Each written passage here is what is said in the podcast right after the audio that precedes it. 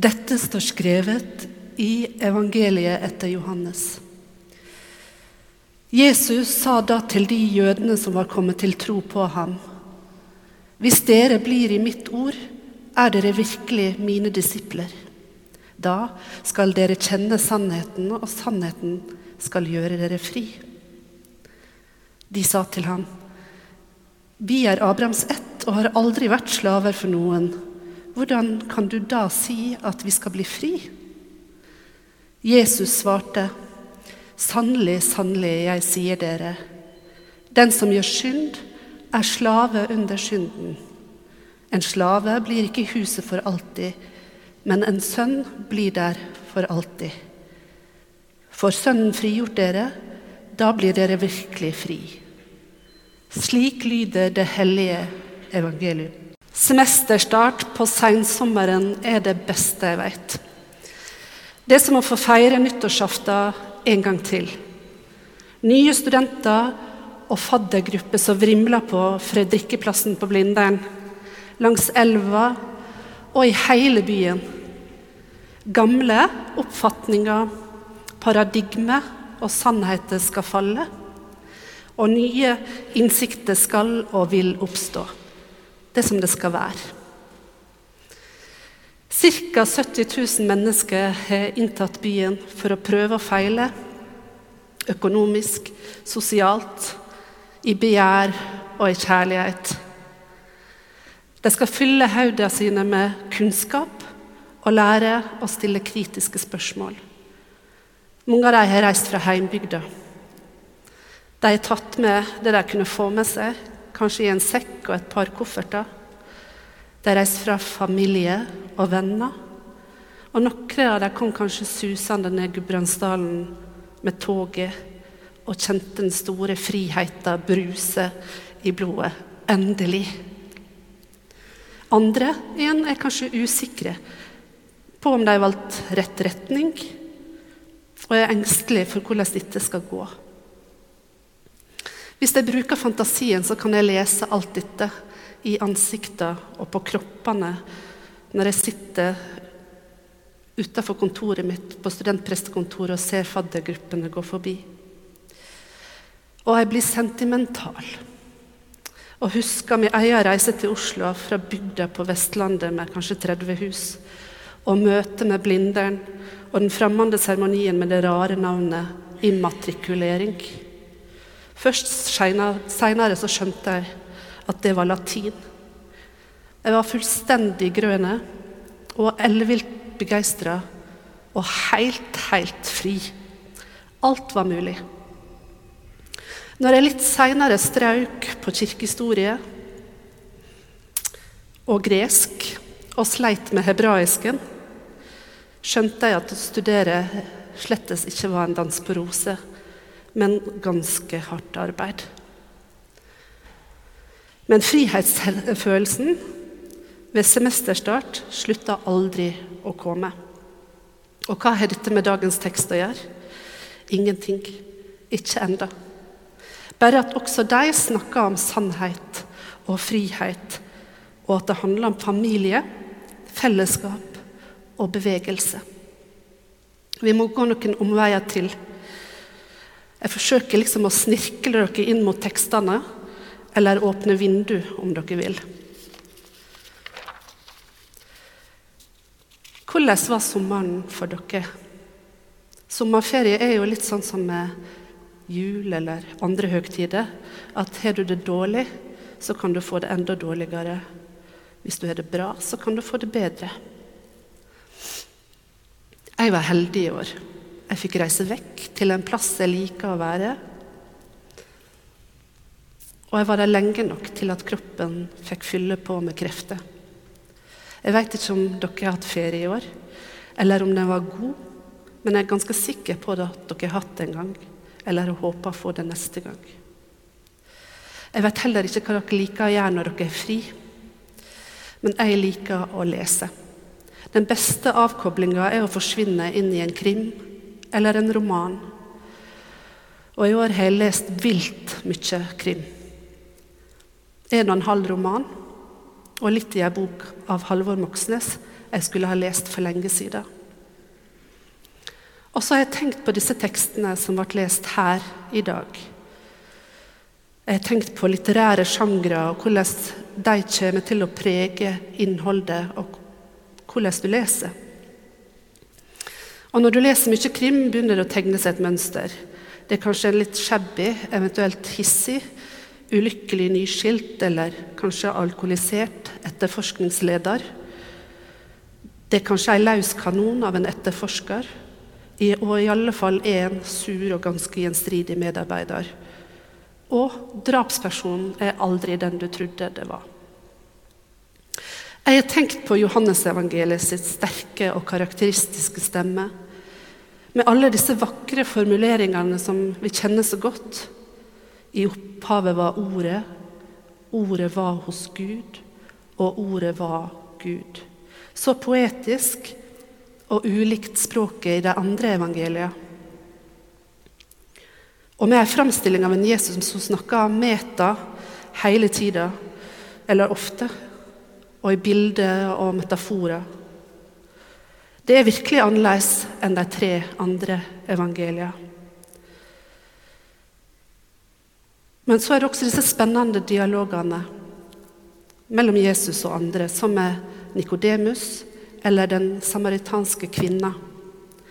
Der de snakker, de snakker vanlig, snakker om vann og fødsel, slik som vi kjenner det fra livet sjøl. Og Jesus svarer på et helt annet, overordna plan. Det fører til innsikt, og det fører til forvirring. Bare hør fra samtalen med Nikodemus. Jesus sier, 'Sannelig, sannelig, jeg sier deg, den som ikke blir født på nytt, kan ikke se Guds rike.' Nikodemus sier til han, 'Hvordan kan en som er gammel, bli født?' En kan vel ikke komme inn i morslivet igjen og bli født andre gangen? Og slik fortsetter det. Nikodemus, som er fariseer og svært lærd, blir skikkelig forvirra, skjønner ingenting. Men i fortellinga om den samaritanske kvinna fører samtalen til sist til innsikt, der hun sier, 'Herre, jeg ser at du er en profet'. Og så går hun inn i byen for å fortelle om han. Og til folk sier hun, 'Kom, så skal dere få se en mann som har sagt meg alt det jeg har gjort.' Kan han være Messias?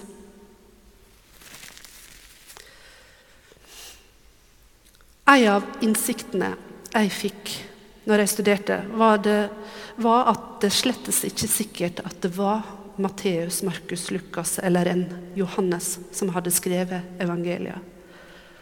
En annen innsikt var at det ligger en vilje, vilje, bak, eller et ønske om, å vise frem bestemte sider av Jesus.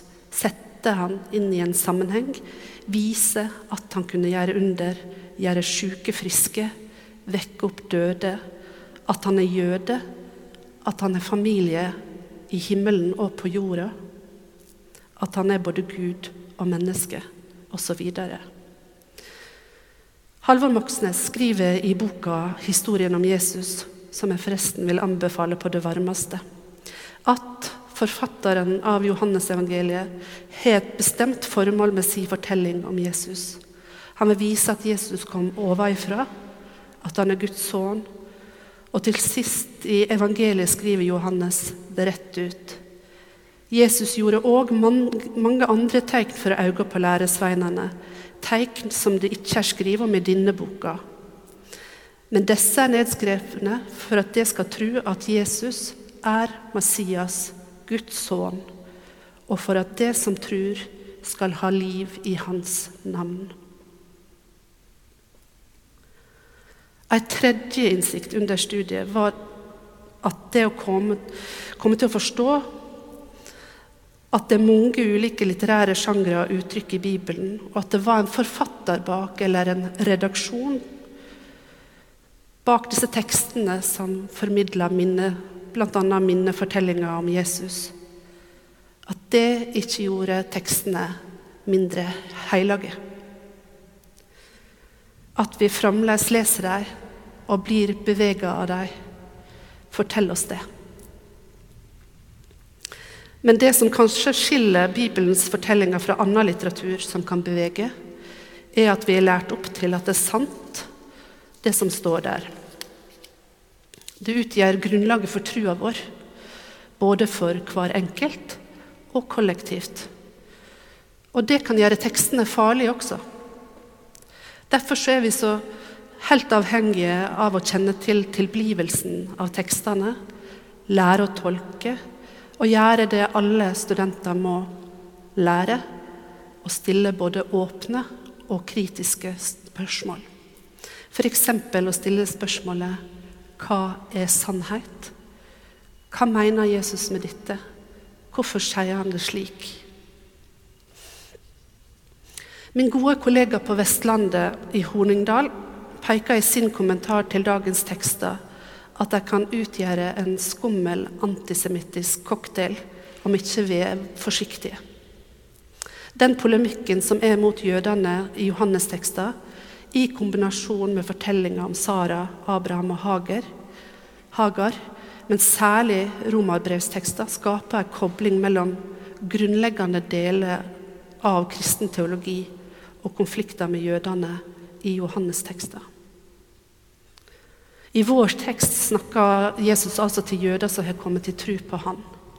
Da må vi kunne regne med at de var åpne for det han har å si, og for at han er Messias, som de og deres folk har venta på.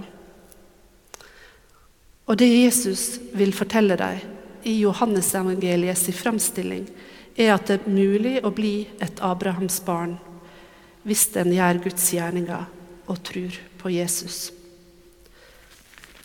Han kommer og fornyer den gamle lova og forandrer på alle regler de kjente til.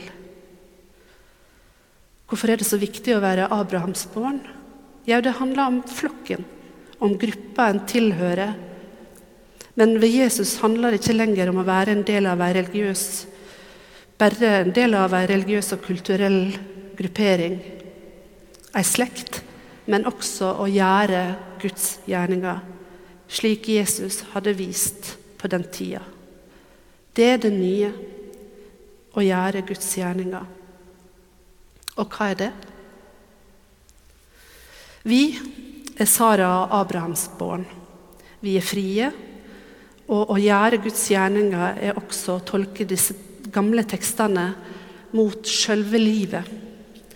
Hvis de snakker sant og skal lyse innover livet våre og fellesskapene våre, så må vi spørre om dette er sannhet for noen, eller om det er sannhet for alle. Å gjøre Guds gjerning vil da være å tolke tekstene med tanke på hva som er livgivende, sant og gjør fri, og gjøre det i trygghet om at Anden vil føre oss på rett vei. Professor Harald Hegstad var i slutten av april med på symposiet som ble arrangert av Kirkerådet sitt LHBT pluss-utvalg. Der kirkelige ledere fikk høre historiene og erfaringene til LHBT-personer med kirka, både som ansatt, frivillig og folkevalgt.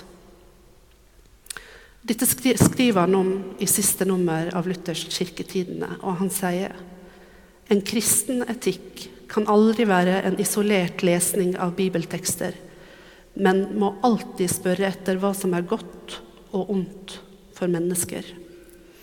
Et kirkelig standpunkt som fører til selvfornektelse, til tap av liv og tap av tro, er ikke mulig å holde fast på.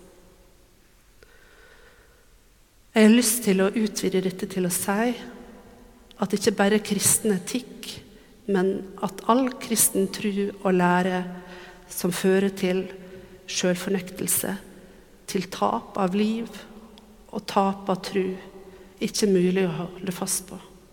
Fordi det er ikke sant. Evangeliet skal være livgivende og gjøre oss fri. Det er jo det frelse er. Vi er fri fra lova til synda og døden. Sanninga er i ordet, i kjærleiken, i liv, vann, brød og lys. Alt som er i oss og ikring oss. Og sannheten skal gjøre oss fri. Nådige Gud, lær oss å forvalte jorda. Hjelp oss å se alt du har skapt som vår neste. Lær oss å stå opp mot urett. Hjelp oss å stå i kampen. Lær oss å elske deg og hverandre slik du elsker oss. Amen.